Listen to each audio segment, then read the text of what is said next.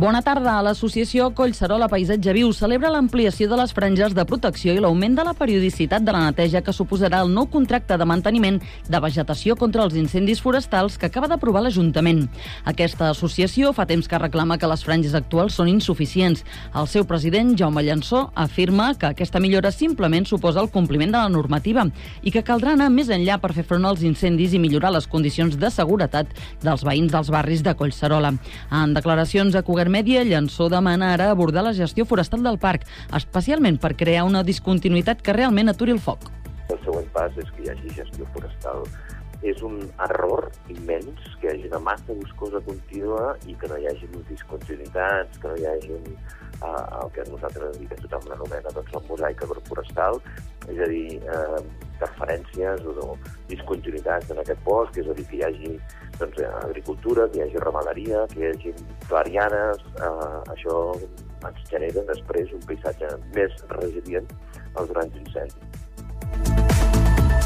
Sant Cugat compta amb 204 hectàrees que es poden recuperar per a ús agrícola, segons un estudi de la Diputació de Barcelona.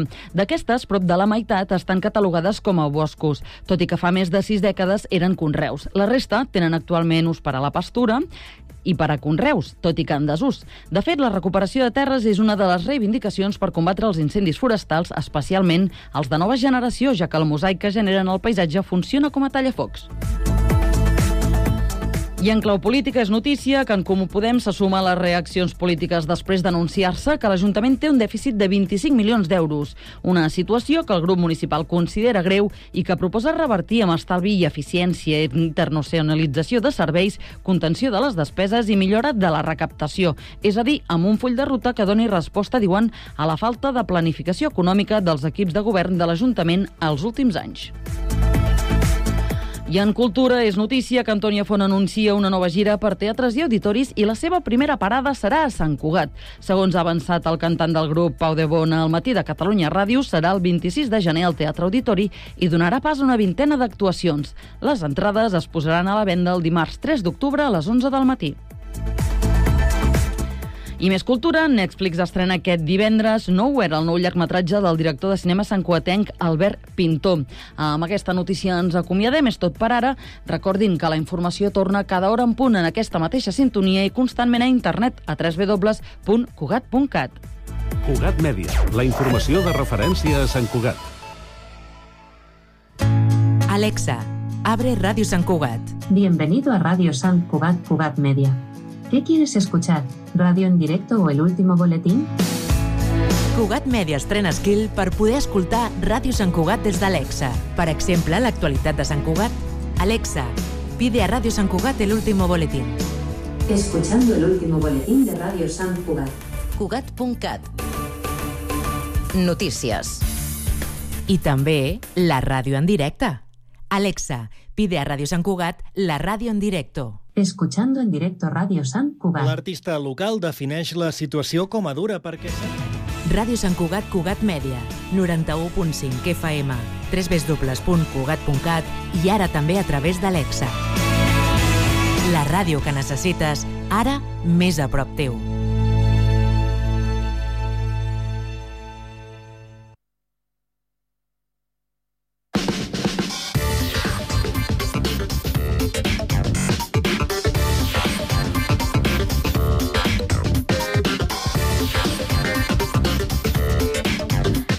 5 i 4 minuts reprenem el Connectats amb l'inici d'aquesta segona hora i la informació de servei.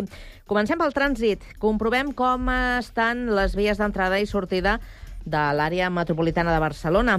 Jessica Rius, bona tarda. Bona tarda, Carme. Doncs ara mateix ens trobem amb la circulació amb retencions a la C32 en el tram entre Esplugues i Hospitalet de Llobregat cap a l'enllaç de la, a la B20 i també hi ha retencions a la P7 a l'altura de Sant Cugat en direcció cap a Tarragona i això és tot segons informa el Servei Català de Trànsit. Anem doncs al Transmet per comprovar com està funcionant el transport públic. Àlex Cubells, bona tarda. Doncs informem que la incidència a les línies R1 i R4 de Rodalies d'aquest matí ja s'ha solucionat i s'espera una recuperació progressiva dels horaris de pas al llarg del dia.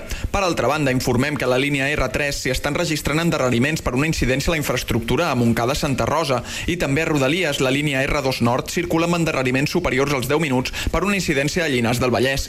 I finalment recordem que es manté el servei per carretera a les línies R8 també de Rodalies entre Castellbisbal i Martorell i a l'esmentada R4 entre la Granada i Vilafranca del Penedès per les obres de millora que realitza DIF. Res més, de moment això és tot des del Transmet. Us seguirem informant.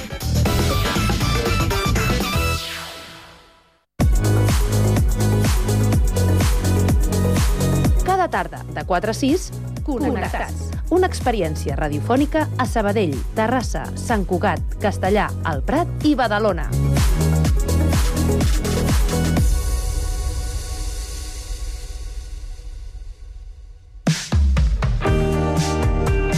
Veus locals.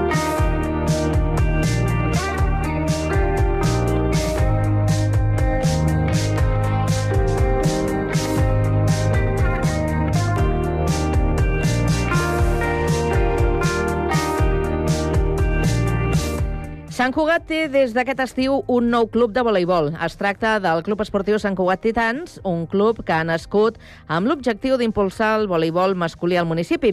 Avui els coneixem al Connectats a través d'una de les impulsores i vicepresidenta de l'entitat, la Marta Claveria. Marta, bona tarda. Hola, bona tarda, què tal? Moltíssimes gràcies eh, per atendre la nostra trucada, perquè ja sabem que ha sorgit un imprevist i la veritat és que t'agraïm moltíssim que ens puguis atendre igualment. Ens hagués Moltíssimes agradat molt gràcies. que haguessis estat aquí a l'estudi amb nosaltres, però vaja, una altra, en una altra ocasió serà. I tant, i tant, moltes gràcies. Anem a conèixer la vostra entitat. Eh, es- Explica'ns una mica, perquè jo deia, vosaltres heu començat a, aquest estiu, o sigui que Sí. porteu pocs mesos. Com han estat Res. aquests primers mesos de vida? Doncs, bueno, uh, pues, eh, una mica de tot, entre molt emocionants i, i, i una mica bojos. La veritat és que tot va sorgir arrel de, de que ens vam veure un grup de mares amb una necessitat, que era que els nostres fills no trobaven equip masculí de vòlei aquí a Sant Cugat. Eh, llavors eh, vam decidir muntar un club. Eh, així doncs ens vam llançar a l'aventura Mm? i, i tot just vam començar pues, al, al juliol a, a muntar, a crear aquest projecte. O sigui que neix, neix de la necessitat que teniu perquè els vostres fills puguin fer eh, voleibol, eh, però vosaltres, alguna experiència, us ha assessorat algú? Com, com us ho heu muntat, això? Nosaltres, zero experiència en el món del voleibol. L'únic de veure els nostres fills als partits, perquè ja portaven anys jugant en, en equips eh, escolars d'aquí de Sant Cugat. Mm? Eh, però bueno, vam tenir la gran sort de, de que va contactar amb nosaltres el, el Borja Llorenç, que és el nostre director esportiu, que és una persona que porta tota la vida en el món del vòlei i es va engrescar amb nosaltres a, a ajudar-nos a muntar el projecte i, i a, gràcies a ell i a l'equip tècnic que, que hem aconseguit, doncs estem ja una mica amb solfa de tot aquest món del voleibol. Perquè, clar, els vostres fills comencen a practicar aquest esport en les activitats eh, de... a- escolars, és a dir, fora de, de l'horari lectiu, i després mm, s'han engrescat tant que volen continuar, però no tenen opció, perquè l'únic club eh, que hi ha a Sant Cugat fins ara, hi havia el Club Voleibol eh, Sant Cugat, està centrat en el voleibol femení. Sí, exacte, correcte. Llavors els nostres fills, eh, bueno, sí que van fer proves per entrar a clubs de- de- de- d'arreu del Vallès, com Sabadell, Terrassa, Cerdanyola, Rubí, però aquí Sant Cugat hi mancava. Llavors sí que és cert que per logística, doncs clar, haver-te de desplaçar a altres poblacions per tenir això, doncs era un hàndicap eh, complicat. Així doncs ens vam llançar a l'aventura i vam dir, doncs per què no? Eh, a Sant Cugat ha de tenir un club que també admeti equips masculins, Mm. a nivell federatiu i, bueno, doncs això, hem tingut la sort també de trobar gent molt maca i, i experta en el tema que ens ha ajudat, també des de la Unió de Federacions Esportives de Catalunya i també amb el suport de la Federació Catalana de Voleibol, Mm -hmm. gràcies a la seva presidenta, que també ens ha recolzat des del minut zero, i, i bueno, doncs eh, treballant, treballant moltíssim per tal de que això surti endavant. De fet, ha, ha sortit endavant, tenim sis equips eh, federats i un escolar, eh, amb la qual contentíssims de, de la rebuda també a la ciutat de, del club. Mm -hmm. Sis equips i un, i un escolar, sis federats i, i un escolar. Teniu nois i noies, equips masculins i Sí. femenins. Sí, sí, sí. De fet, el nostre lema al final és tots hi juguem, no? Amb la qual no volíem tancar-nos només a equips masculins. El que volem és que Sant Cugat tingui un club també que, que on puguin jugar les nenes i els nens i, i, i també d'una manera federada i també d'una manera escolar, perquè no tothom vol federar-se. Amb la qual volíem tenir, sobretot, obrir aquesta oferta a tothom. Estem parlant de quina franja d'edat que voleu cobrir? Doncs mira, tenim des dels 10 fins als 18. Dels 10 als 18? Sí. I ara mateix, eh, en, en l'escala de categories, quines són les categories que teniu cobertes? Doncs tenim des dels alevins fins als juvenils. O sigui, alevins infantils, cadets i juvenils. Déu-n'hi-do, déu nhi déu Sí. Eh, jo no sé si vosaltres sabeu que a Sant Cugat hi havia hagut equips masculins de, de voleibol. Sí, de fet, fa molt de temps hi van haver, eh, no sé per quin motiu hi van deixar d'existir. Nosaltres sí que hem intentat eh, contactar amb, amb, amb l'entitat de Sant Cugat per tal de veure si obrien línies masculines, però mm. entenem que també ells no, no poden o, o, o no els hi ha interessat eh, obrir aquestes línies masculines, amb la qual perquè al final també és un club que té, és, és del nivell Uh, uh, llavors eh, està a anys llum del que nosaltres ara mateix podem fer i entenem que tenen altres necessitats, amb la qual eh, no hi havia opció de poder obrir una línia masculina en aquest sentit. Mm -hmm. Doncs efectivament hi va haver equip masculí al Club Voleibol Sant Cugat, però bastant més enrere també hi va haver un equip que va acollir Sant Cugat, t'estic parlant de la dècada dels eh, 80, quan van venir sí. l'equip de bombers de Barcelona. Ostres a jugar a Sant Cugat. Jugaven al, al PAF 2 de, de la Rambla de, del Celler, però d'això ja n'han passat uns, uns quants anys. Sí. I tant, eh, i tant. Per cert, teniu seu? Doncs uh, no encara tenim seu, la veritat. Estem en búsqueda de seu. Durant aquesta temporada esperem tenir una seu social. I instal·lacions, que aquest és el cavall la... de batalla de, de sempre? Bueno, doncs aquest és el gran, el gran hàndicap que tenim. Nosaltres les instal·lacions ara mateix que fem servir són les de l'escola Àgora, aquí a Sant Cugat, uh Mhm. -huh. a, a Sant Joan, i fem servir les seves instal·lacions a l'espera de que durant aquesta temporada nosaltres eh, puguem entrar també dintre del sac de les instal·lacions municipals de cara a la temporada que ve. Perquè heu arribat tard i ja estaven fets els, Exacte. els quadres, Sí. no? La distribució de, Exacte, al final les instal·lacions ja estaven donades, com és, com és lògic i normal, perquè això es comença a preparar a l'abril, al març.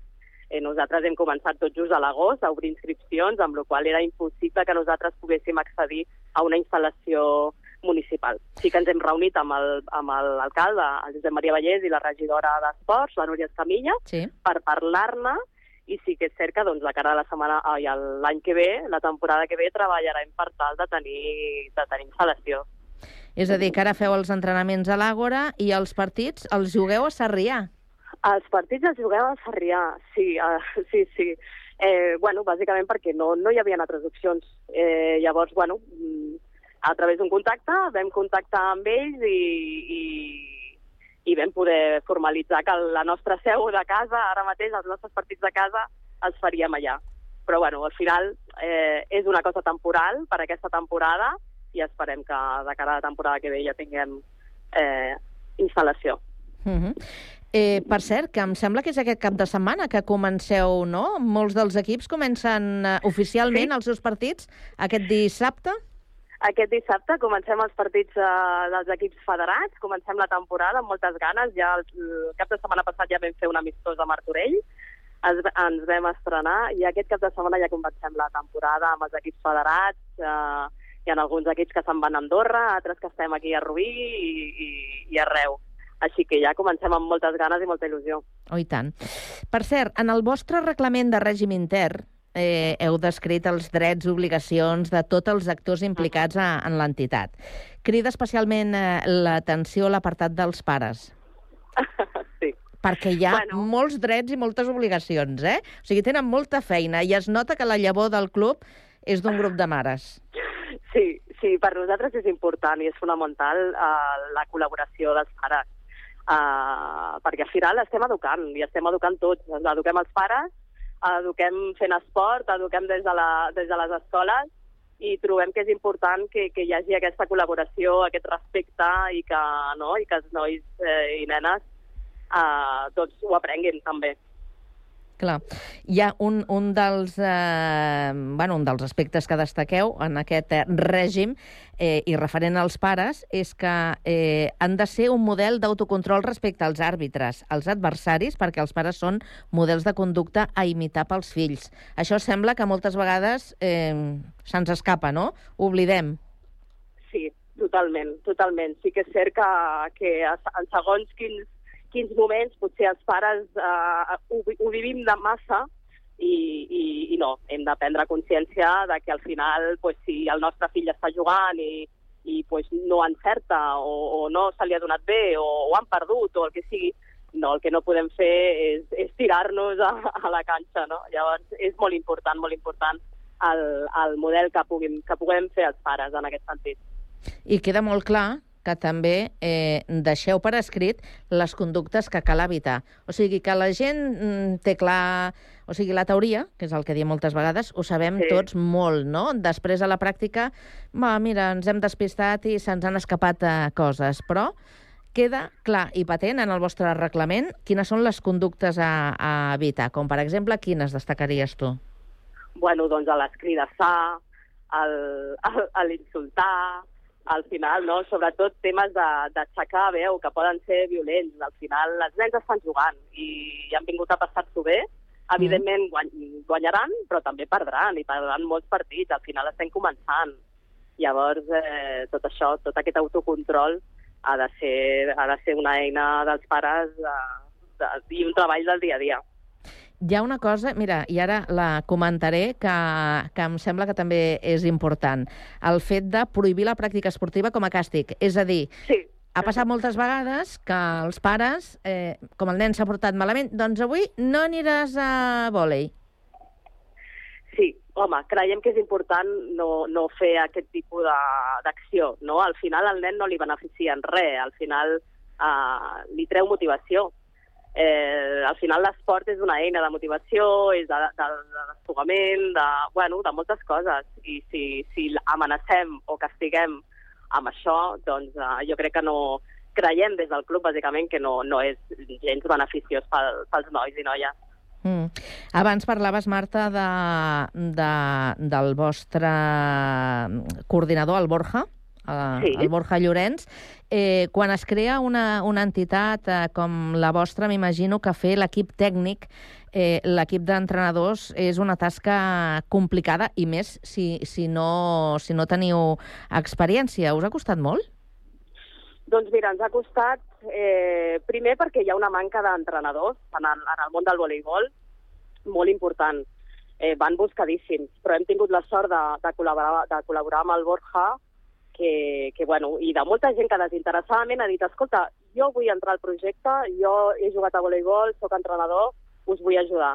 I gràcies a això, a, a la solidaritat i, i, la, i la motivació de molta gent, hem trobat un molt bon equip tècnic eh, i estem molt contents, la veritat. I sobretot gràcies al Borja, que fa la feina tècnica.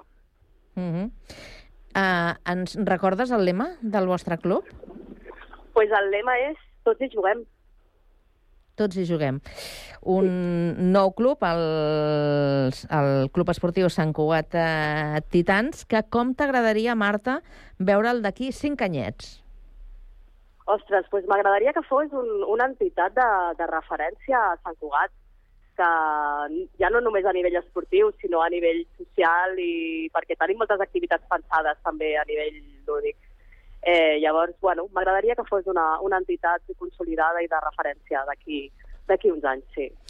Doncs eh, així ho esperem. Marta Claveria, vicepresidenta del Club Esportiu Sant Cugat Titans, moltíssimes gràcies per eh, acceptar la nostra invitació i que vagi molt bé. Molt bona tarda.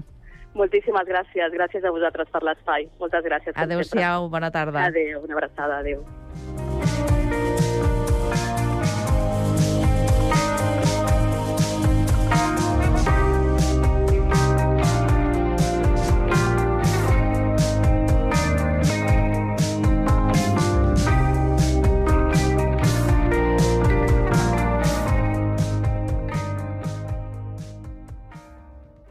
Lluna es posa vermella quan descobreix el teu art. I ens hi posem tan fort que portaríem la vida a mar. Quan els dos som un, descobrim un món profund i donem llum a mil ciutats. Vam néixer per ser connectats.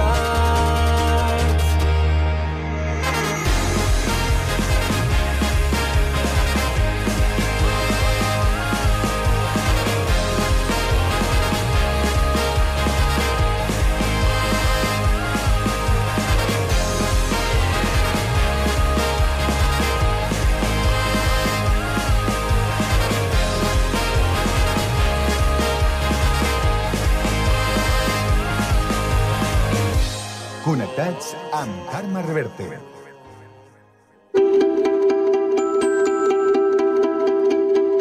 Connecta't al patrimoni.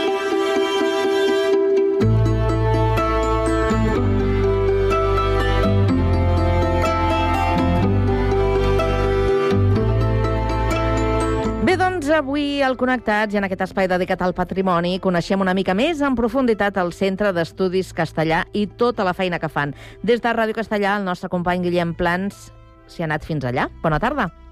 Bona tarda, Carme. Doncs avui anem fins al carrer de la Mina, número 9, per conèixer uns treballadors incansables. Són els del Centre d'Estudis Castellà Arxiu d'Història. I tenim amb nosaltres la presidenta, la Marina Antúnez. Molt bona tarda, Marina. Molt bona tarda, Guillem. Bona tarda, Carme. Doncs avui desxifrarem una mica qui sou al Centre d'Estudis Castellà Arxiu d'Història i quina feina feu. Perquè sí que és veritat que a vegades queda una mica difosa tota la vostra obra i no, i no es fa justícia, no? La, la societat no sap ben bé el que feu i feu molta cosa. Uh, sí, de fet, uh, podríem dir que fem tres eixos. Fem recerca, uh, fem difusió i fem activitats relacionades amb el patrimoni local. En aquest cas nosaltres ens centrem en Castellà del Vallès. Tot això té una expressió en diferents propostes que anem duent a terme durant l'any, no?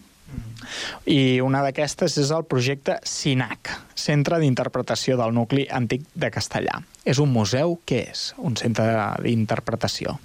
La idea va néixer com un museu a partir de les troballes que es van fer l'any 1995 fins al 98-99 a la plaça Major. Es van trobar restes arqueològiques del Neolític, de l'època visigòtica, de l'època romana, que en aquell moment es van guardar, es van custodiar a Barcelona havia quedat pendent, de fet l'Ajuntament s'havia compromès, que es faria una publicació sobre tot això i que es faria una exposició d'això. Ara, mm, gairebé 30 anys després, no? 30, ho recuperem, hem trigat, però eh, com que l'Ajuntament van veure que eh, ho va encallar i no ho va recuperar, vam dir, ostres, doncs tornem-ho a recuperar perquè val la pena doncs, fer-ne un museu. I la idea era exposar-ho. Però després vam pensar, ostres, si només ho exposem, això ha quedat... El, el, museu, tal, tal i com l'enteníem, eh, ha quedat una mica obsolet, no? És una cosa ja del segle XIX, no? Mostrar-ho allà i exposar-ho. Per tant, es va convertir en centre d'interpretació. Això què significa? Significa que sí que hi haurà peces exposades, però serà un centre d'interpretació. A partir de les peces podrem explicar aquest pas per la història. Ho farem a través de línies cronològiques, a través de la recreació d'algunes de les tombes que es van trobar.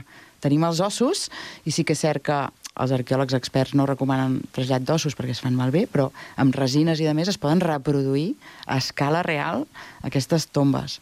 Tindrem també plafons perquè escoles eh, i també investigadors puguin venir i puguin doncs, conèixer o tenir més clara aquesta idea cronològica dels fets de la història del nostre municipi, no? Qui va néixer Castellà. I aquesta és la idea, explicar on va néixer Castellà, com era Castellà i fins on hem arribat. A Castellà fa falta això? No hi ha res que, que expliqui... I som al 2023 i no hi ha res que expliqui el nostre passat i com era Castellà i, i d'on venim.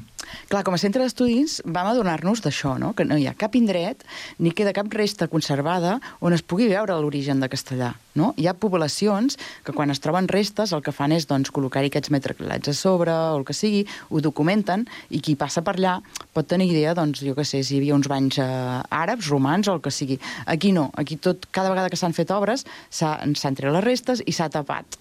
Per tant, no tenim cap punt físic on nosaltres puguem, eh, on nosaltres nosaltres parlo de qualsevol persona de castellà, no? Puguem dir, aquí eh, hi havia això, aquí mm, hi havia allò, i per tant, d'alguna manera, això s'ha de recollir, no? No només eh, llegir-ho en un llibre, hem de poder-ho... A més a més, tenint el material arqueològic com es té, no? Poder-ho exposar, poder-ho mostrar i, i, i, bueno, i que ens serveixi també per, per saber això, no? D'on- venim.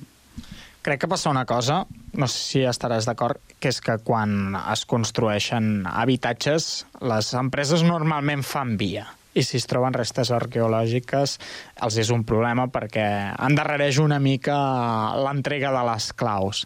Vosaltres, des del Centre d'Estudis Castellà, què podeu fer per garantir que les restes arqueològiques no desapareguin en construccions? Clar, la dinàmica és aquesta que tu dius, Guillem. Uh, no només aquí Castellà, eh? Qualsevol població. Els constructors tenen pressa per acabar l'obra perquè és després quan mm, cobren l'obra feta. Per tant, uh, es fan prospeccions arqueològiques obligatòries. Els arquitectes municipals han de fer aquestes prospeccions, però molts cops simplement el que es fa es, mm, es detalla en l'informe i se segueix construint, es tapa i avall. Nosaltres el que fem és vigilància però vigilància real, o sigui, mm, com que és un poble i encara podem passejar per molts carrers, eh, i al centre d'estudis tenim gent que sap reconèixer quan un element patrimonial té valor o no, doncs a vegades passem per un carrer i ens avisem per WhatsApp. Escolta'm, en aquest carrer que estan fent aquestes obres eh, anirem a mirar o demanarem a l'Ajuntament no, que els arquitectes ens acompanyin per fer una visita. Llavors fem la visita, fem fotografies, ho documentem i, si cal, fem un informe.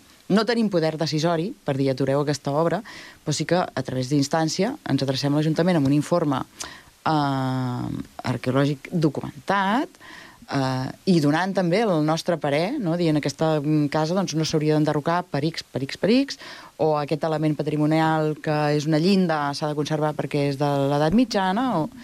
i a partir d'aquí doncs, aconseguim una miqueta fer una mica de pressió eh, en contra del, de la pressa aquesta constructors. I hem aconseguit coses, hem aconseguit. Doncs parlant d'obres, vosaltres també esteu en obres o ho heu estat, no? La Casa Ribes de Castellà, on la casa que us allotja. Exacte. Nosaltres gestionem l'entitat, però no l'edifici. L'edifici és municipal i estava bastant deteriorat. La façana queia, l'arrebossat, doncs era fins i tot perillós per als vianants que passaven per allà. Uh, ara sí que ja fa dos anys que es va aprovar el pressupost i han trigat dos anys a fer aquestes obres, però ara comencen i estan arrebossant tota la part uh, visible, no? la que es veu des del carrer, és a dir, a dintre no toquen res, però a fora estan arrebossant la façana i estan arreglant la fusteria. Les finestres són encara de fusta, eh, d'aquestes persianes tipus mallorquí, que són molt boniques, però clar, que també es fan malbé amb el pas del temps, la pluja i tot, i ara doncs es canviaran les fusteries i la façana, per tant, i es, està quedant un edifici preciós. La veritat és que això sí, que l'Ajuntament s'hi ha mirat perquè està quedant molt, molt bé, fa goig. Ja vindré a veure'l. I on també tinc intenció de venir és a la Jornada Europea de, de Patrimoni de l'Arxiu d'Història Centre d'Estudis, que anirà relacionat amb el Castell Vell. Amb el Castell de Clascarí, perdona. El Castell de Castellà, Castell de Clascarí. Sí. Castell de Castellà ho va ser fins a un determinat, eh, una època, i va passar a ser Castell de Clascarí quan els Clascarí van comprar el Castell de Castellà, no?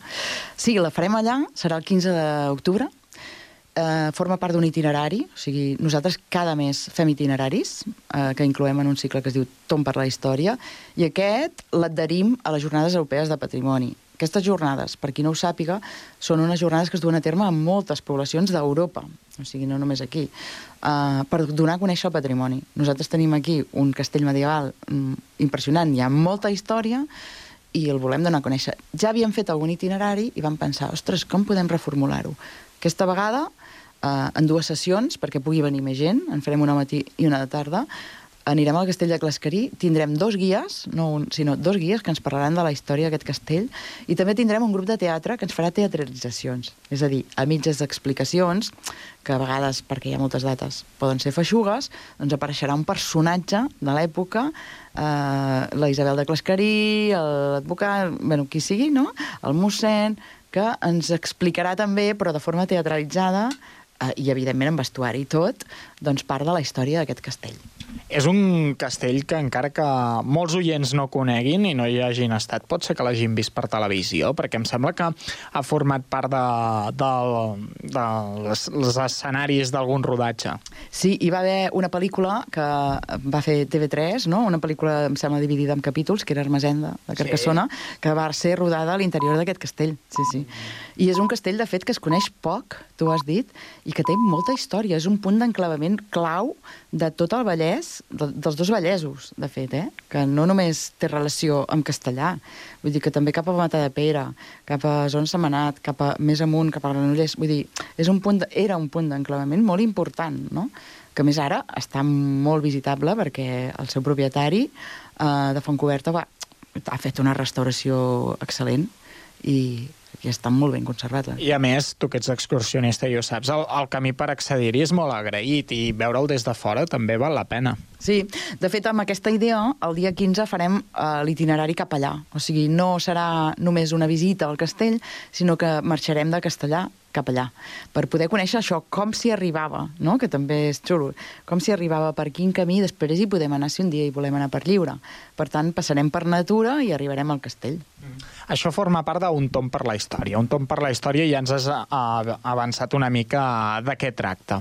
Un cop al mes, una xerrada i escolliu un tema que pugui generar interès als, als castellarencs. Més que xerrada, és itinerari en, en parades. És a dir, nosaltres pensem un, un tema. Modernisme, guerra civil, el que sigui, eh? Um, no sé, els molins del riu, l'últim que vam la fer. Família Tolrà. Exacte, la família Tolrà. I després què fem? Anem caminant i amb un guia sempre expert sobre aquest tema i anem fent parades en diversos punts que ens semblen doncs, significatius per poder entendre eh, què passava en aquell moment. No? I ja et dic, n'hem fet de molts tipus. L'últim el vam fer pels molins del riu Ripoll, va agradar moltíssim, el vam fer amb la col·laboració amb la UES de Sabadell, i també coneixem el nostre passat tèxtil, i no només tèxtil, sinó el passat paperer, fariner, eh, draper, perquè aquests molins també s'han anat transformant amb el temps, segons les necessitats econòmiques de la societat d'aquell moment, saps? Vull dir que ara els conec... Ah, mira, aquí hi havia una fàbrica tèxtil. No, aquest molí havia tingut funcions des de principis del segle X o segle XI o abans fins i tot, no?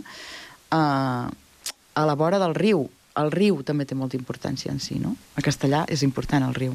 És que em fa la sensació que estem envoltats de ciutats que treuen molt pit del seu passat tèxtil i Castellà queda una mica petitó, es fa petit i, i, i no ho reivindica prou. A, a no ser que, que... Bueno, gràcies a vosaltres al Centre d'Estudis Castellà sí, però, però com a poble es fa poc.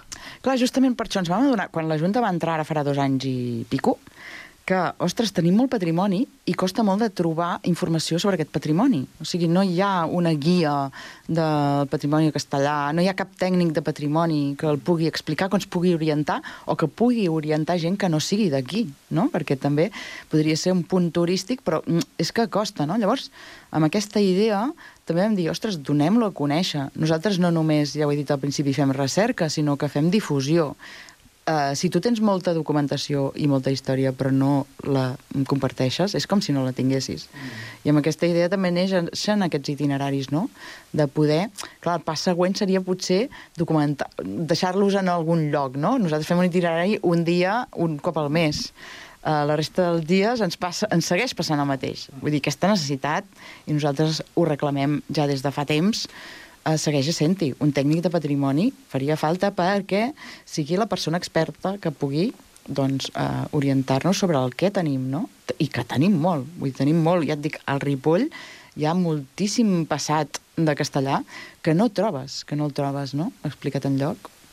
I exposicions, que en feu? També fem exposicions. Una altra manera de fer difusió és aquesta.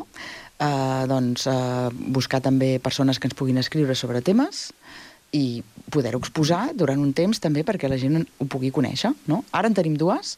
Una és de la història del Puig de la Creu, un altre punt important de castellà, no? Quin castellarenc no coneix el Puig de la Creu? On ha pujat unes quantes vegades al Puig de la Creu? El Puig de la Creu no estava documentat. Uh, L'any passat vam editar la revista de recerca Plaça Vella sobre el Puig de la Creu i vam dir, ostres, això ara què, no? Mostrem-ho. Vam aprofitar la trobada de tardor que es va fer al Puig de la Creu per editar resumidament alguns dels articles amb fotografies que havíem aconseguit. Clar, tot això és que porta molta feina. Buscar les fotos, no sé què, documentar-ho tot. Després és com llàstima, no?, no poder-ho no poder donar continuïtat. Llavors vam fer aquesta exposició, són 13 roll-ups, que es van inaugurar en aquell moment, a la trobada de tardor, i que ara podem veure al Mirador, encara durant tot aquest mes, fins al 7 d'octubre, crec, que després sí que ens ho fan treure, que, perquè ja en veu un altre, però qui vulgui conèixer la història de Castellar, el del Puig del Creu, vull dir, pot anar al Mirador. I un altre que en tenim és el Calissó. El Calissó també... Tot això ara ho hem repartit perquè estem fent obres. ja, ja ho he dit abans. Si no, fem exposicions al propi, a la pròpia casa Ribes, però ara hem hagut de buscar-nos la vida. Però mira, està molt bé anar a fer una sí. canya al Calissó i a sobre veure una exposició. Exacte. Aquestes són res, són quatre o cinc plafons amb dues fotografies ampliades. Clar, hem buscat fotos que es puguin veure bé les cares del de, passat de Castellà. No? Hi, ha, hi ha fotografies curioses no? de les dones que rentaven roba a l'època tèxtil, n'hi ha una altra doncs, que es veu la, un dels camions que portava les begudes aquí al Calissó, vull dir que hi ha una trobada, em sembla, d'això del Puig de la Creu o, o la recollida de la vinya, vull dir, diferents fotografies antigues, sí que hem buscat les que ampliades tinguessin resolució, perquè moltes fotos antigues doncs, queden pixelades, però es poden visitar també doncs, durant tot aquest mes encara, al Calissó i la veritat és que estan tenint molt èxit. No és allò com un llibre, perquè, clar, és fotografia en peu de foto documentat, però fa gràcia reconèixer i, no, les persones com anaven vestides, com es vivia en l'època, no? Doncs així ho farem. Farem una canya per la història al, al bar Calissó, al Calissó Cultural, Això, amb, amb el centre... es diu castellà en el temps, perquè ha volgut ser això, no? Ensenyar castellà en el temps. Marina Antúnez, moltíssimes gràcies per obrir-nos les portes i ens trobarem al Tom per la Història, a les Jornades Europees del Patrimoni. Ens recordes la data? Sí, el proper 15 d'octubre, amb sessió al matí a les 10 i sessió a la tarda a partir de les 4. També faig un incís, cal inscripció. Si voleu venir, si us interessa, heu d'entrar a la pàgina web del Centre d'Estudis o fins i tot a la web de la Generalitat, que també hem penjat les jornades allà, per poder-vos inscriure. Castell de Clascarí. Castell de Clascarí. Moltíssimes gràcies. De res, a vosaltres. I molt bona tarda, Carme. Gràcies, Guillem. Bona tarda.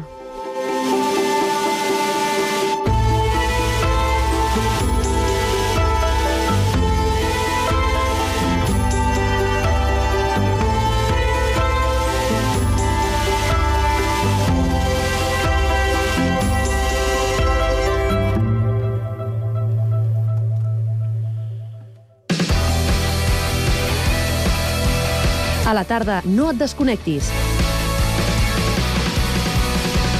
Connectats. Hola, connectats. Soc el Manel i us vull recomanar la cançó del gelat del Miqui Núñez perquè és una cançó molt alegre i m'encanta escoltar-la cada matí per començar el dia. Per saber què fas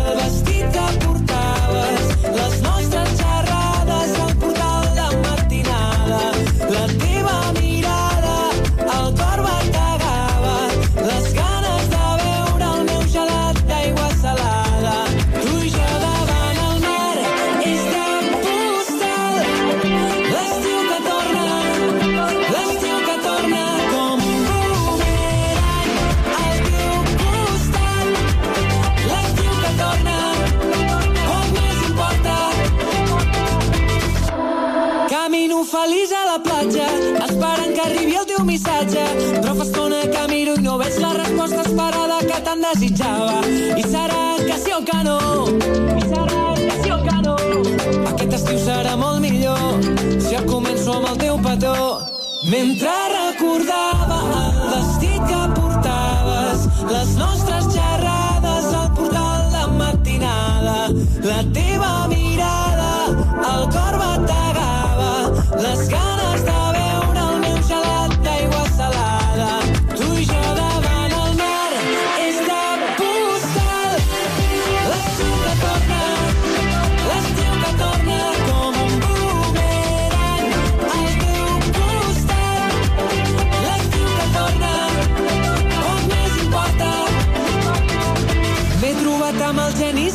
que has arribat, que ara ja fa dies que voltes per aquí, que no vols saber res de mi, tu i jo davant el mar.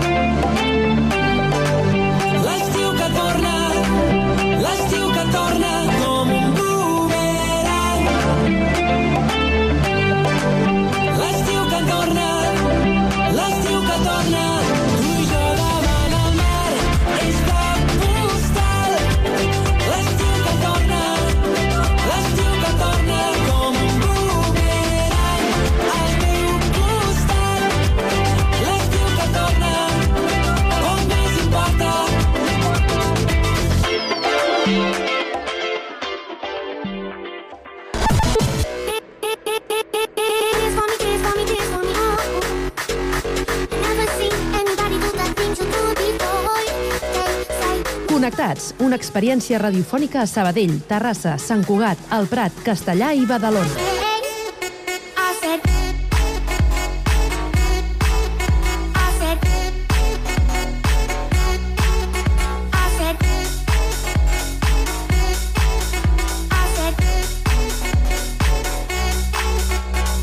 Connectats amb Carme Reverte.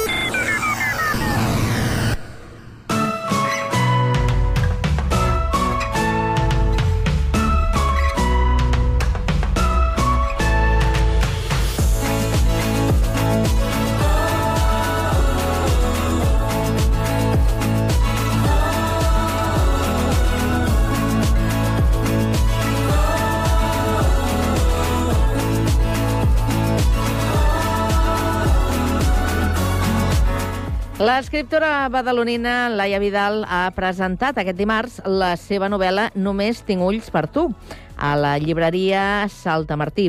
Avui ens acompanya al Connectats per explicar-nos alguns secrets eh, del llibre. Molt bona tarda, Laia. Hola, bona tarda, Carme. Què tal, com estàs? Doncs bé, molt contenta d'estar aquí amb vosaltres. I m'imagino que descansada. Quan un acaba un treball com, com un llibre, es, mm, et treus un, pe un pes de sobre, no? Mira, saps què passa? Que jo m'ho passo molt bé escrivint. Llavors també hi ha una mica de dol, no?, al final, quan Ah. l'acabes. Mhm. És veritat que quan l'acabes i l'envies a l'editorial et diuen que sí, tens un moment molt eufòric i després una mica de buit, no?, de ja està acabat. Sí. I, I al final la feina de l'editorial, de revisar, de trigar un temps, llavors ara això, eh, descansada, però això, enyorant una mica posar-me a escriure un altre cop. Ja, ja. Saludem també la nostra companya Andrea Romera, que es troba amb tu als estudis de Ràdio Ciutat de Badalona. Andrea, bona tarda. Bona tarda, Carme. Bé, eh, la nostra convidada d'avui, la Laia Vidal, va presentar, com dèiem, eh, dimarts eh, aquest llibre. Com va anar la presentació? Doncs la veritat és que va ser eh, molt especial, molt bonica, perquè la Salta Martí per mi és com casa meva, i vaig molt, eh, conec molt a la Sílvia, a la Magda, i clar, i a més a més hi havia molta gent de Badalona, molts amics, i van venir els meus fills, els meus pares, la meva parella, llavors va ser molt bonica. A més la va fer la Susana Hernández, que és una escriptora de novel·la negra, Uh, aleshores va ser com estar a casa, parlar d'això, no? de la novel·la, que al final és una cosa que fas tu molt solitària i quan l'ensenyes i quan la dones a conèixer, doncs és molt bonic i, I... Va, va ser molt especial per mi. I escolta, Laia, és la teva primera novel·la? És el teu primer treball o en tens més? No, vaig escriure una primera novel·la. Jo vaig fer l'itinerari per escriptors a la- a l'Escola d'Escriptura de l'Ateneu Mm. i vaig fer una primera novel·la allà que es deia La dona tatuada, que ja hi havia una mica de mm, thriller, una mica de cosa negra, però no era negra en si, i una mica històrica. Uh, quan vaig acabar vaig dir, ostres, a mi això m'agrada, m'ho passo bé, eh, vaig a seguir. I, i embarassada del meu fill, que ara té 6 anys, vaig arrencar aquesta novel·la, jo ja ho vaig dir allà i, i crec que és així, que una mica tota l'angoixa de l'embaràs, de, no, de, la vaig canalitzar en una novel·la negra. Uh, vaig començar a escriure llavors i, i a poc a poc, perquè la veritat és que escriure requereix temps i no en tinc gaire, Mm. doncs la vaig anar polint, va anar sortint, va anar sortint, i la vaig acabar amb el naixement de, de la meva segona filla, de la Jana, i, i res, i, o sigui que els embarassos han- m'han fet a, a arribar a acabar aquesta novel·la. negra. Sí, fructificar els treballs Sí, literaris. Sí, he canalitzat tot l'estrès cap, a, cap a la literatura. Mira que bé. Escolta, Només tinc ulls per tu és una novel·la envoltada de, de misteri. Explica'ns, sense desvetllar-nos res que no calgui desvetllar, eh, de, què, de què va, de què tracta? Doncs la Carlota és una periodista que un dia desapareix el seu marit sense cap explicació. Eh, llavors ella el, se li esfondra al món, està un any molt perduda, perd la feina, eh, sobreviu com pot, i ella està obsessionada quan troben qualsevol eh, resta d'algú o quan troben algun cadàver amb què pot ser el seu marit, pot ser el seu marit. Hi ha un dia que apareixen uns ulls i això ho capgira tot. Mm. Per això és només tinc ulls per tu. Llavors, jo dic que és una història d'amor, però, però l'amor de vegades pot ser crim, també, no? I llavors bascula entre això, no? Eh, el títol, si tu només dius el títol, pot semblar una història d'amor, no? Només tinc ulls per tu, sembla una història d'amor. Sí. Però és un amor molt negre. I aleshores, doncs, eh, aquí arrenca la història i, i ja no dic més perquè, si no, desvello coses que no voldria. Sí, sí. Amor i crim, Laia, com bé deies, però sense anar-nos al típic crim passional, no? Com ha estat barrejar aquests dos conceptes que aparentment estan tan allunyats no, l'un de l'altre, podrien ser antònims. Sí, jo crec per això que, que no, vaig llegir una vegada en una novel·la i he sentit alguna vegada que al final eh, tots els assassinats es cometen per alguna cosa, no? per, du per dos motius. Un són els diners, en la novel·la deia per la gana i per amor, no? Llavors, eh, a mi m'interessava més la branca de l'amor i a vegades estimar, eh, no? estimar, de vegades no s'estima bé del tot. I aleshores va una mica d'això, no? de que a vegades l'amor pot ser tòxic però no és una cosa de... no és una relació passional. Hi ha passió, però, bueno, mmm, no és... Uh, crec que no és típic la típica història d'amor amb un passional, sinó que hi ha amor, però d'una manera diferent, em sembla. Està ambientat el llibre entre Badalona i Barcelona. Per què tries aquestes dues ciutats? Doncs jo vaig néixer a Barcelona, però, però Badalona és la meva ciutat d'adopció. De fet, el pis de la protagonista és un pis on en el que jo vaig viure, o sigui que, que la gent que em coneix i que l'ha vist diu, ostres, però això era on vivies tu? I són els, els carrers per on jo em, mos, em moc normalment, llavors uh, m'agrada molt poder situar la novel·la aquí. I després Barcelona, concretament a Sants, perquè eh, la meva parella és mosso, i un dia em va parlar d'una troballa en un carrer de Sants, que el carrer es deia el Carreró de les Ànimes i vaig pensar, ostres, això és molt literari, no? el carreró de les ànimes, una troballa, i vaig començar a investigar per què aquest carrer es deia carreró de les ànimes. Llavors vaig descobrir que era perquè allà començaven els, uh, no? els uh, funerals, des d'allà sortien, en aquell moment hi havia com uns camps, i llavors es veien com focs follets, que són unes llums que a vegades els uh, animals en descomposició les, les, les generen. Aleshores em va semblar tot com molt literari vaig dir... Mm, de fet, la novel·la, el primer títol provisional que tenia era El carreró de les ànimes, no? I, i llavors per això arrencava allà, llavors vaig estar investigant sobre Sants i passa, moltes coses passen a Sants i, i està basat en coses reals d'allà. O sigui, no, no, els carrers que cito i els noms del, dels carrers, l'origen d'aquests noms i tot això, això és real. Però, clar, Badalona havia de sortir perquè és casa meva. Ara que dius que està basat en coses reals, així com la casa de la que parla el llibre ha estat casa teva, pot ser que la Carlota, la protagonista, siguis una mica tu mateixa? No gaire, perquè té una vida molt torturada, jo no estic tan torturada, crec.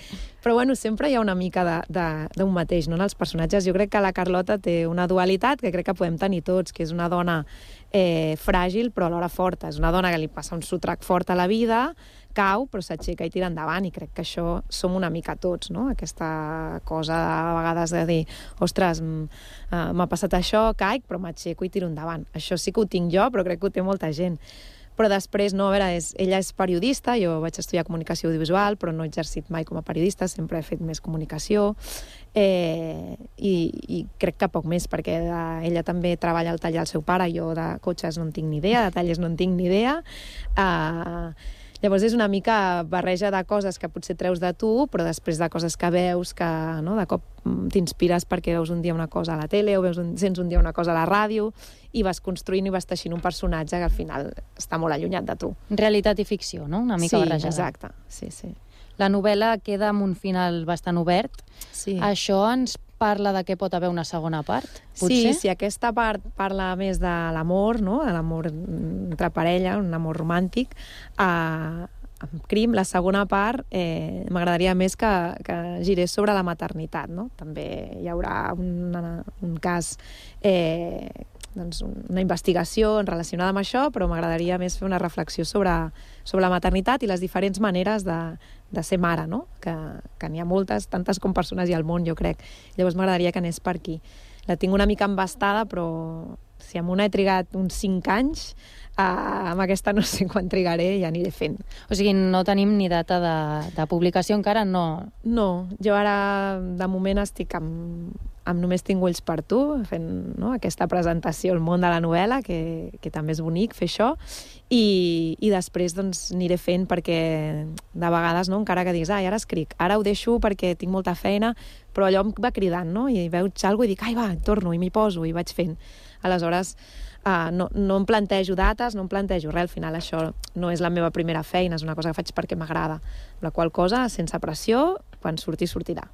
Clar, com és això de compaginar l'escriptura amb la teva feina i a més amb la maternitat? Comentaves que tens dos fills. Sí, la veritat és que és molt intens, clar, perquè més treballo en una productora de televisió, faig un programa que es diu Tu cara me suena, que ens, no? a, a, quan l'estem fent ocupa moltes hores de, de la vida, amb molt de gust, perquè és xulíssim fer-lo, però, però deixa poc espai per poc marge per altres coses. Llavors, jo aquesta novel·la el que he fet és la portava al mòbil i he escrit des de a la cua de l'escola esperant els nens fins a eh, mentre anava a la perruqueria, mentre, o sigui, en molts moments de, de cop i volta dir, ai, vaig agafar, escric tres quatre línies, ho deixo, llavors l'he anat portant amb mi molt, no? pensant-hi molt, i per això, quan podia agafar el mòbil una estoneta, escrivia una mica, després hi ha hagut tota la feina de revisar, que això els estius doncs, també va bé quan pares una mica, però vaig fent molt a mesura que, que puc i, i, i que, que trobo res, un momentet per connectar-me i, i anar fent.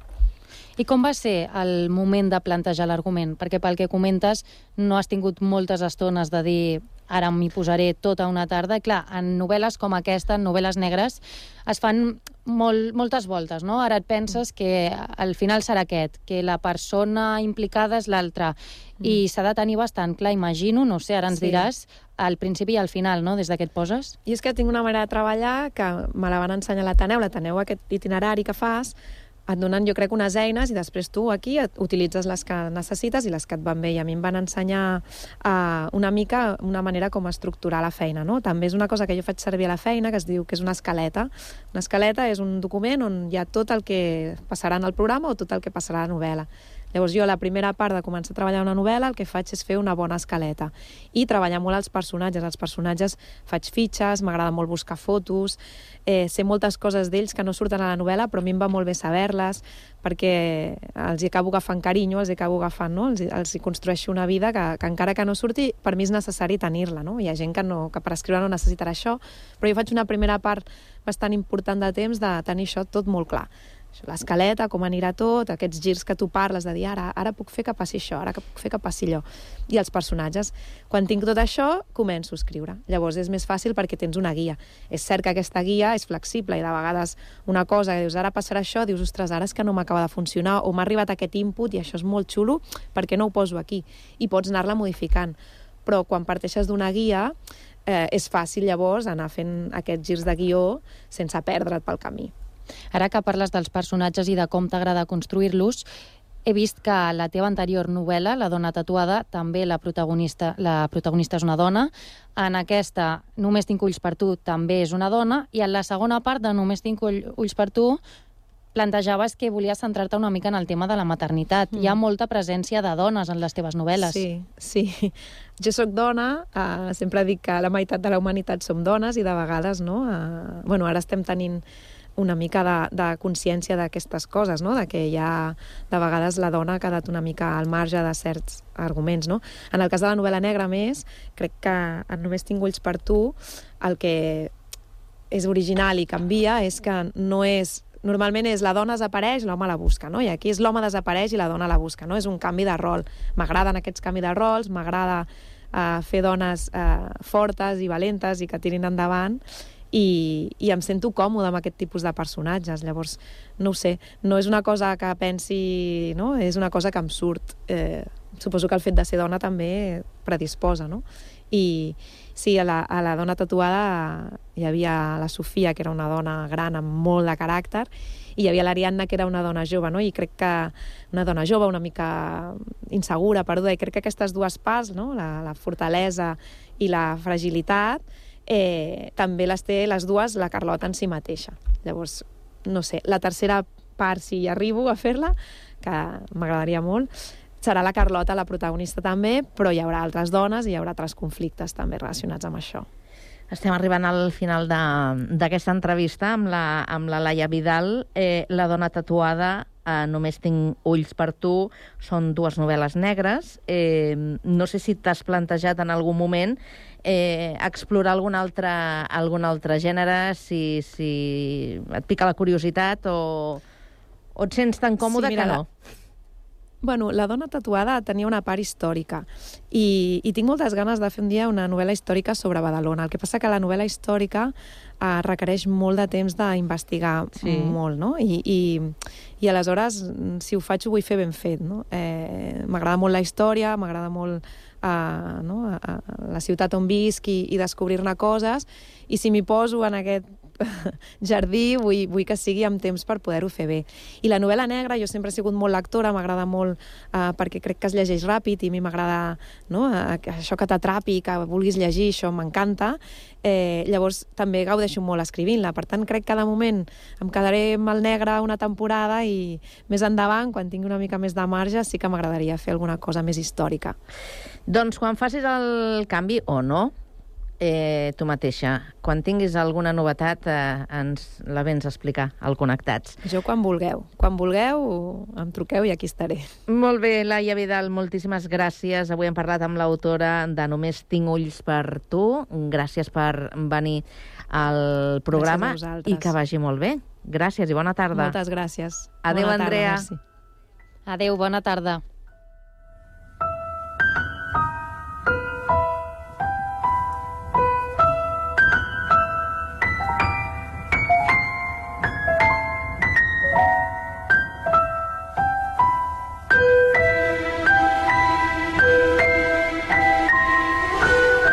Avui marxem, eh, deixem el connectats amb aquesta sintonia de fons amb motiu de la mort d'un dels actors emblemàtics de Harry Potter. Es tracta del carismàtic Albus eh, Dumbledore. Fins aquí arriba l'edició d'aquest dijous del Connectats. Tornarem demà a les 4 i 4. Que vagi molt bé. Adéu-siau.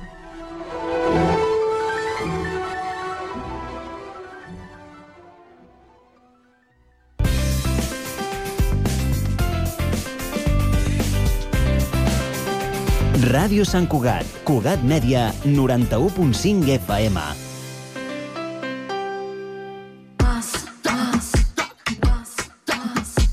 Pide por esa boquita, un viajar, disfrutar de un verano mejor, vamos, grita. Que lo que se da no se quita. Tot el que li demanes a l'estiu, demana-li al nostre assessor i aconsegueix fins a 500 euros en un cupó regal del Corte Inglés i molt més. Consulta les condicions. Viatges al Corte Inglés.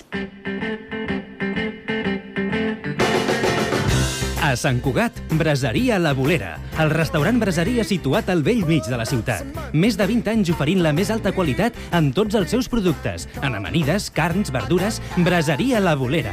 Amplis menjadors per a celebracions familiars, batejos, comunions, casaments, Braseria La Bolera. Els que ja la coneixen sempre hi tornen. Baixada de l'Alba 20, al costat del monestir. Telèfon 93 674 1675.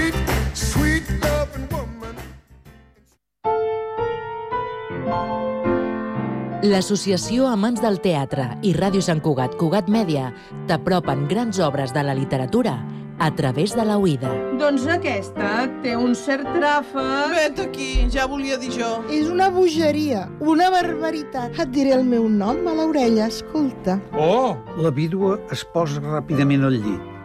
Radioteatre amb obres de Jean Cocteau, Martí Boada, Robert Robert, Mercè Rodoreda, Pere Caldés o Anton Chekhov. Al 91.5 FM i a www.cugat.cat. Cada mes, els alumnes dels instituts Leonardo da Vinci, el Centre de Formació d'Adults i el Col·legi Pureza de Maria expliquen l'actualitat dels seus centres a Ràdio Sant Cugat. Els alumnes de primer d'ESO van fer una excursió el 18 d'octubre a un jaciment arqueològic. Doncs jo vull parlar sobre la inauguració del Punt Lila i el Punt Rainbow. També ens fan recomanacions. I el que m'agrada molt d'aquest llibre és que eh, a les pàgines es poden veure els correus. Ens diuen què els agrada. A mi m'agrada el Nadal amb fred. Parlaré del que m'agrada que va sobre el meu esplai. I ens posen al dia amb la música que escolten. Jo he escollit eh, La gent t'estimo, que és de Oques Grasses. Quan somrius és Joan Dausà. No dudar-hi, Rosario. Els instituts Sant Cugatencs a Cugat Mèdia. Els dijous a les 10 a Ràdio Sant Cugat i en podcast a cugat.cat i a Ull Crític.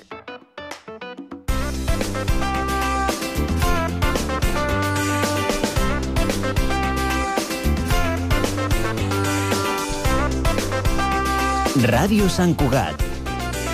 www.cugat.cat